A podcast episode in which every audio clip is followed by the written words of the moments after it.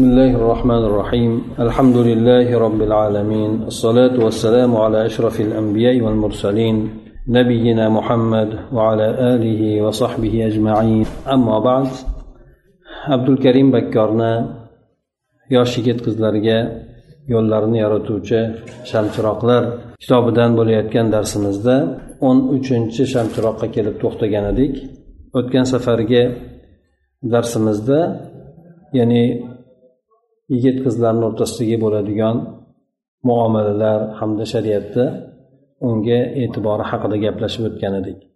Bugun esa inshaalloh bu shu o'n uchinchi shamchiroqqa inson ota onasiga xizmat qilishligi to'g'risidagi bo'lgan mavzusi bilan boshlaymiz gapimizni.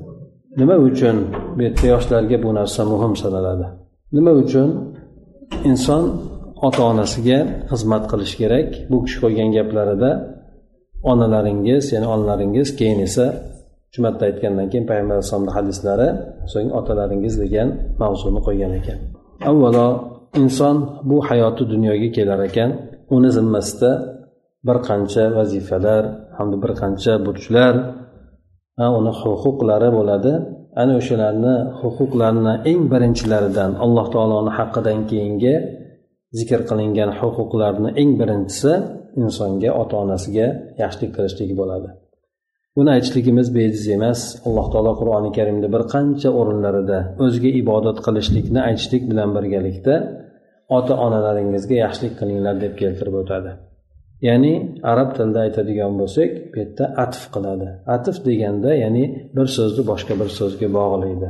To'g'ri alloh taologa qilinadigan itoat albatta ota onaga qilinadigan yaxshilik ikkalasi bir biridan farqli bo'ladi. Alloh taologa qilinadigan ibodat bo'ladi ota onaga qilinadigan esa ehson yaxshilik bo'ladi. Agar biz e'tibor qaratadigan bo'lsak bir inson bir gapni aytsaki men ha katta bir uy sotib oldim katta bir yoki yer sotib oldim yoki mashina sotib oldim deb katta bir narsani aytadigan bo'lsayu yana yaniga qo'shib turib bitta qoshiq ham sotib oldim desa to'g'ri bo'ladimi? Bir aytaylik katta bir yer sotib oldim yoki uy sotib oldim deydida yaniga qo'shib turib bir qoshiq sotib oldim desa bitta yer bilan qoshiqni o'rtasida bo'lgan narsa judayam o'rtasi katta bo'lganligi uchun demak bunday qilib bir biriga so'zni bog'lanmaydi. Yer sotib oldim deb turib inson aytsa bo'ladi moshina sotib oldim desa tushunsak bo'ladi. Yoki kattaroq bir narsani aytadigan bo'lsa demak bunda to'g'ri bo'ladi. Alloh taolo ham o'ziga ibodat qilishlik buyurishlik bilan birgalikda ota onalarga yaxshilik qilinglar dedi. Demak ota onaga yaxshilik qilishlikni ham darajasi judayam yuqori ekan.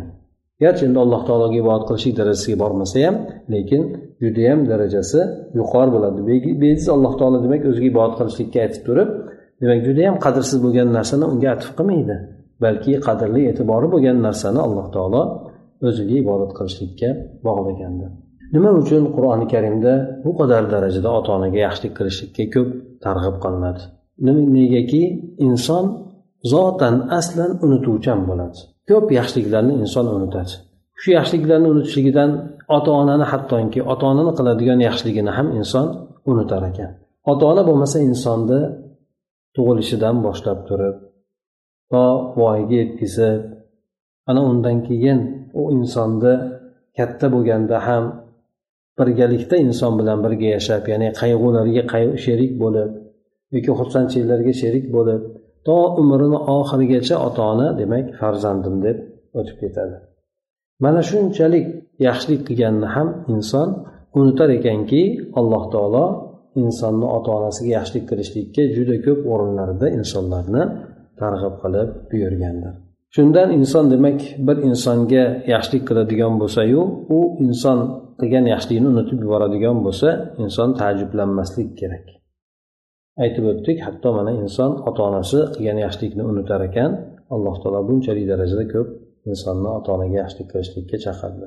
Mo'min odamni alloh taolo juda huquqli bo'lishlikka buyurgan o'sha huquqli bo'lganlarda xulq alomatlaridan yoki xulq turlaridan birisi inson mehribon bo'lishligi. Bu mehribonligiga aytib o'tganimizdek ota onasi eng insonga yaqinroq bo'ladi qur'oni karimda boshqa bir o'rinda alloh taolo aytadiki إما يبلغن عندك الكبر أحدهما أو كلاهما فلا تقل لهما أف ولا تنهرهما وقل لهما قولا كريما deydi ya'ni biz insonga ota onasiga yaxshilik qilishligini hukm qildik degandan keyin aytadiki agar ulardan birisi yoki ikkalalari insonni oldida qari yoshiga yetib qoladigan bo'lsa ya'ni ota onasini ikkalalari bo'lsin yoki birlari bo'lsin yoshi qarib qoladigan bo'lsa inson ularga uf demasin ularga oshqirib bermasin va ularga judayam chiroyli bo'lgan yumshoq bo'lgan gaplarni gapirsin deb aytib o'tadi. Inson mana bu oyatga qaraydigan bo'lsak xosatan ota ona agar o'zini quvvatida bo'ladigan bo'lsa yoshligida bo'ladigan bo'lsa ularga xizmat qilishlik qiyin emas. Chunki ular o'zlarini o'zlari eplab yuraveradi. O'zlarini o'zlari ishlarini qilib yuraveradi. Ya'ni insonga unchalik og'irligi tushmaydi.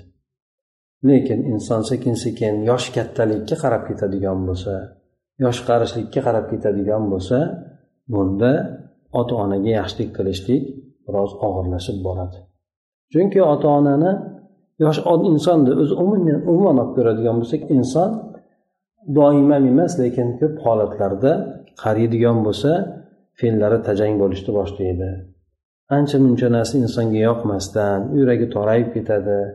Ana shunday bo'lgan o'rinlarda ota onaga shunday turgan holatlarda xizmat qilishlikka eng yaroqli bo'ladigan inson u farzandi bo'ladi. Chunki boshqa inson uni ko'tarolmasligi mumkin. Injiliklariga dosh berolmasligi mumkin. Lekin farzand o'sha narsalarni insonni ko'tarishlik kerak bo'ladi. Agar e'tibor beradigan bo'lsak ota ona farzandlariga xizmat qiladi. Yoshligidan boshlab xizmat qiladi. Lekin buni muqobilda u farzanddan biror narsa kutmaydi. Biror narsa kutmaydi. Hattoki ona ham garchi aytaylik farzand jirkib tashlagan taqdirida ham itoat qilmasdan ko'nglini dilini ortgan taqdirda ham bolam yaxshi bo'lsa bo'ldi baxtli bo'lsa bo'ldi deb shu umrini oxirigacha mana shunday bir yaxshilikni tilashlik bilan o'tib ketadi. Bu hayoti dunyo vafo dunyosi qarz dunyosi olib ko'radigan bo'lsak. Albatta ota ona farzandga agar mehr beradigan bo'lsa ularni tarbiyalab voyaga yetkazadigan bo'lsa o'z öz o'zidan farzanddan talab qilinadiki ota ona qiyin holatga tushgan paytida ota onasiga xizmat qilishligi ota onasiga yaxshilik qilishligini. Yana undan tashqari alloh taolo shunday qilib bir qonunni qo'yib qo'ydiki ota onani qalbiga bir mehrni berib qo'ydiki farzandga nisbatan ota ona farzandini aytib o'tganimizdek judayam to'palab yurib katta qiladi. Qiyinchilik bo'lib qolgan paytida o'zi yemasa ham yediradi kiymasa ham kiydiradi. Agar bu mehrni bermaganda ehtimol ba'zi hayvonlar bor o'zini bolalarini yeb qo'yadi. Yoki bo'lmasa ba'zi hayvon kabi odamlar bor bolalarini umuman tashlab yuboradi. Lekin mo'min odamni alloh taolo shunday qilib bir mo'mindan tashqari odamlarni ham hattoki qalblarini shunday bir mehr bilan qilib qo'ydiki toinki nasl hayot davom etsin nasl nasldan davom etsin. Ana shuning uchun alloh taolo ota onani qalbiga shunday mehrni berib qo'ydi. Boshqa bir oyat borki hal jazaul ihsani illal ihsan ya'ni insonni mukofoti yaxshilik bo'ladigan bo'lsa alloh taolo uni yaxshilik bilan mukofotlaydi agar bir inson ota onasiga farzand ota onasiga ya'ni xizmatini yaxshi qiladigan bo'lsa albatta bu narsa ko'p holatlarda o'zini farzandidan qaytadi. Kelajakda ota onasiga qanday xizmat qilishligiga qarab turib uni farzandi bu o'sha xizmat qilgan e, o'zini otasi yoki onasiga nisbatan yaxshi xizmat qilgan bo'lsa yaxshi xizmat qilishligi agar mabodo ota onani dilini ortgan bo'lsa ularni jerkigan bo'lsa boshqa qilgan bo'lsa insonga bu narsani ko'pincha o'sha farzand tomonidan kelishligi bo'ladi. Alloh taolo ota onani haqqini ado etishlikni eng afzal bo'lgan amallardan birisi darajasiga ko'tardi. Shuning uchun abdulloh masud roziyallohu anhuni hadislarida rivoyat qilinadiki imom buxoriy bilan imom muslim rivoyat qilgan ekan payg'ambar sallallohu alayhi vasallamdan so'ralgan paytda amallarni ichida eng afzal bo'lgani qaysi deganda namozni o'z vaqtida o'qishlik degan. Ollohni haqqini ado etishlik deganda aytgan tushunadigan bo'lsak. Undan keyingisi qaysi deganda ota onaga yaxshilik qilishlik degan. Shunaqa yuqori bo'lgan darajaga alloh taolo ko'tardi. Ana undan keyin bir oyat karimada alloh taolo aytadiki ya'ni ota onaga hokisorlik ya'ni xorlik yoki hokisorlik qanotini yoying dedi. Ya'ni inson unga judayam tavozuli bilan ota onangizga muomala qiling degani. To'g'ri tavozu bo'lishlik yoki mana aytaylik hokisor bo'lishlik kambag'aldan boyga nisbatan oddiy xalqdan bir mansabdor odamga nisbatan yoki shu darajadagi bo'lgan zaif bo'lgan odamdan kuchli bo'lgan odamga bo'lishi mumkin. Bu endi haqiqiy ma'nodagi ko'pincha xorlik bo'ladi. Lekin insonni ota onasiga nisbatan o'zini pastroq tutishligi bo'ladigan bo'lsa bu azizlik ya'ni zaiflikdan emas balki azizlikdan qanotlarini quyi qilishligi ularga tavozilik bilan turishligi bo'ladi. Shuning uchun alloh taolo bu yerda judayam bir chiroyli ibora bilan aytdiki ularga hokisorlik qanotini yozing dedi. Ya'ni judayam judayam tavozilik bilan ularga muomala qiling dedi. Hattoki o'g'il bo'ladigan bo'lsa boy badavlat bo'lsin judayam katta mansablarda ishlayotgan bo'lsin yo boshqa bo'lsin nima bo'lgan taqdirda ham ota onasiga qiladigan muomalasida ya'ni yumshoqlik bilan tavozulik bilan muomala qilishligi kerak bo'ladi. Bu narsa ya'ni ota onaga xizmat qilishlik jannatda katta bir eshiklardan bitta eshik hisoblanadi. Inson oson kirishligi mumkin bo'lgan jannat eshiklaridan bir eshik bo'ladi. Shuning uchun haligi payg'ambar sallallohu alayhi vasallam bir hadislarida aytib o'tadiyu ya'ni jibril alayhissalom u kishiga men aytaman omin deng deganda payg'ambar alayhisalom bo'pti deb aytadilar.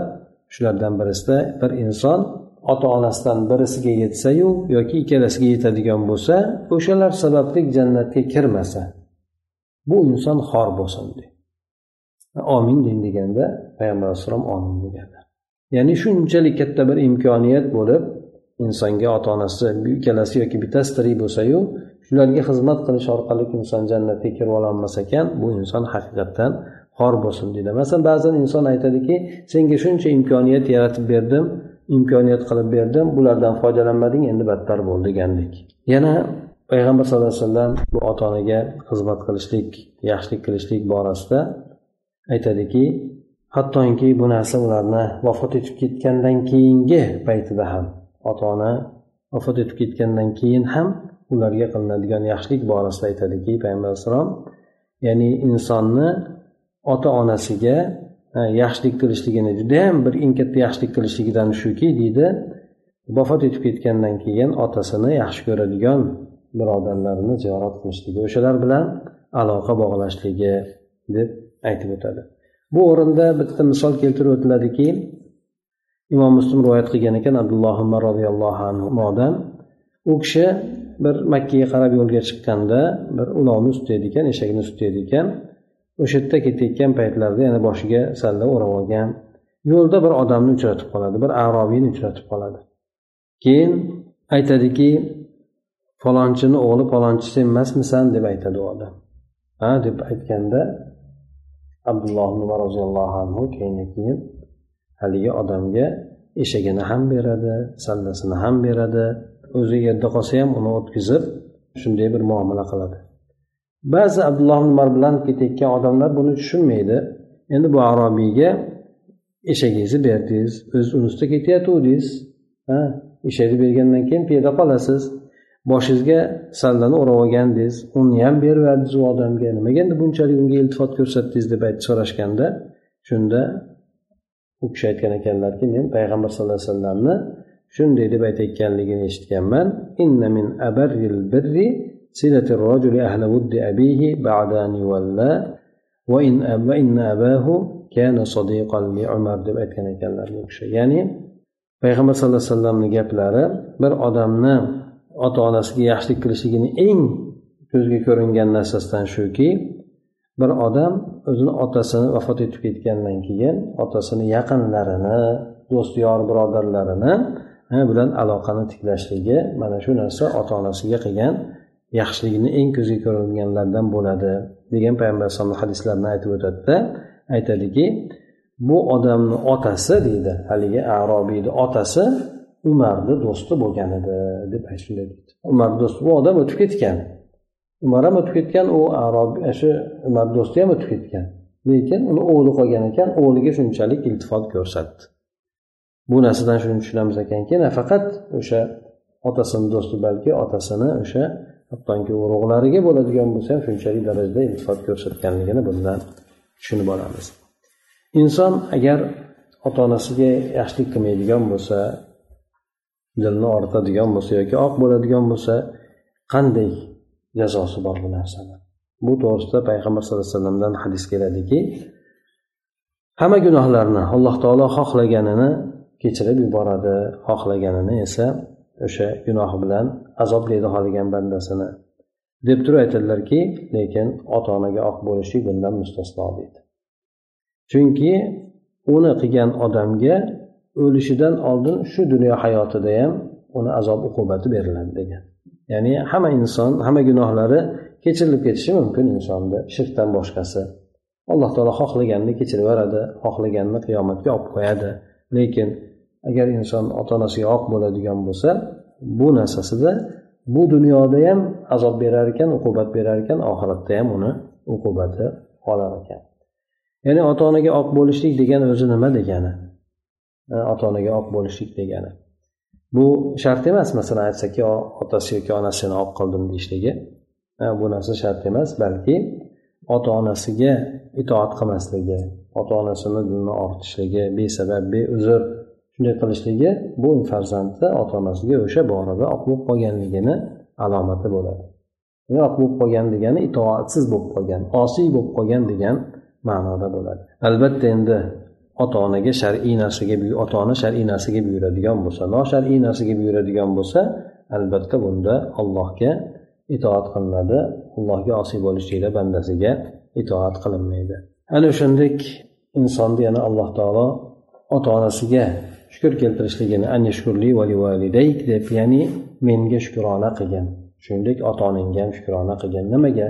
Alloh taologa shukur keltiramiz bizga hayot berganligi iymon ne'matini berganligi juda ko'plab sog'lik boshqa ne'matlarni berganligiga alloh taologa shukrona keltiradigan bo'lsak alloh taolo bizdan yana shuningdek ota onamizga ham shukrona qilishlik tashakkur bildirishlikni alloh taolo bizga buyurdi.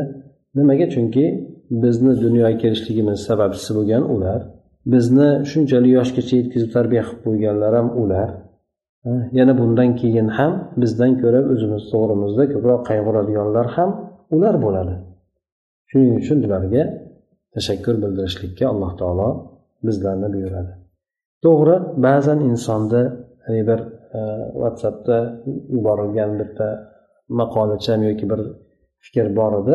Ya'ni inson yoshligida qanday otasi to'g'risida fikr bildirishligi to'g'risida. To'rt yoshga yetganda qanday masalan farzand ota otasiga yoki onasiga e'tibor qiladi nazar soladi. Olti yetti yosh bo'lganda qanday bo'ladi? o'n yosh o'n bir yosh yetganda qanday bo'ladi? Birinchi farzand demak otam hech dunyoda yo'q bo'lgan ota deb boshlaydi. Juda qattiq yaxshi ko'raman deydi. Yetti sakkiz o'n yoshlar atrofida keyin sekin sekin o'n ikki o'n uch yoshga yetgan boshda otamni xulqi o'zgarib boryapti. O'n besh o'n oltiga yetganda judayam otam ichida bo'lmaydigan darajada tajang bo'lib ketdi deydi. Keyin keyin sekin yigirma yoshdan keyin ham shunga o'xshagan gapni aytadida. Hech yashab bo'lmaydigan holatga kelib qoldi turkiya lekin o'ttiz yosh o'ttiz yoshdan keyingida sekin sekin endi otamni tushunyapman deydi. Oxiri qirq yoshdan keyin bo'lgan paytida ya'ni qirq yoshga yetgan paytda uni ham bolasi shu yigirma yoshlarga yetib qolgan bo'ladida. Endi otamni tushundimki judayam bir ajoyib tarbiyachi bo'lgan ekan. Bizni qanday qilib shunchalik darajaga tarbiya qilgan ekan deb o'shanda insonni nimaga otasiga yoki onasiga qarashligini tasvirlab beradi. Haqiqatdan bu bir tomondan olib ko'radigan bo'lsa bir haqiqat bo'lgan narsa. Sizlarni ko'zinglarga go'yoki otanglar ya'ni sizlar bilan bir zamonda yashamayotgandek ular go'yoki qoloqdek go'yoki ular judayam tashang bo'lib ketgan ko'p narsaga ruxsat bermaydi sizlar erkaklarga qo'yib qo'ymaydi o'shanday suratda inson qaraydi. Bir muddatdan keyin o'zinglar ota bo'lasizlar farzandinglarni tarbiya qilayotgan paytda endi keyin qadrga yetasizlar. Ha bekorga qilmagan ekan bu narsalarni chunki o'zi qaysar bo'lgandan keyin inson shu qaysar farzandini ko'radida bir muddatdan keyin. Gapiga kirmayotganligini ko'radi. Ana o'shanda keyin keyin qanday tarbiya qilgan ekan otamizni bu darajada deb ana u paytda keyin inson eslab qoladi.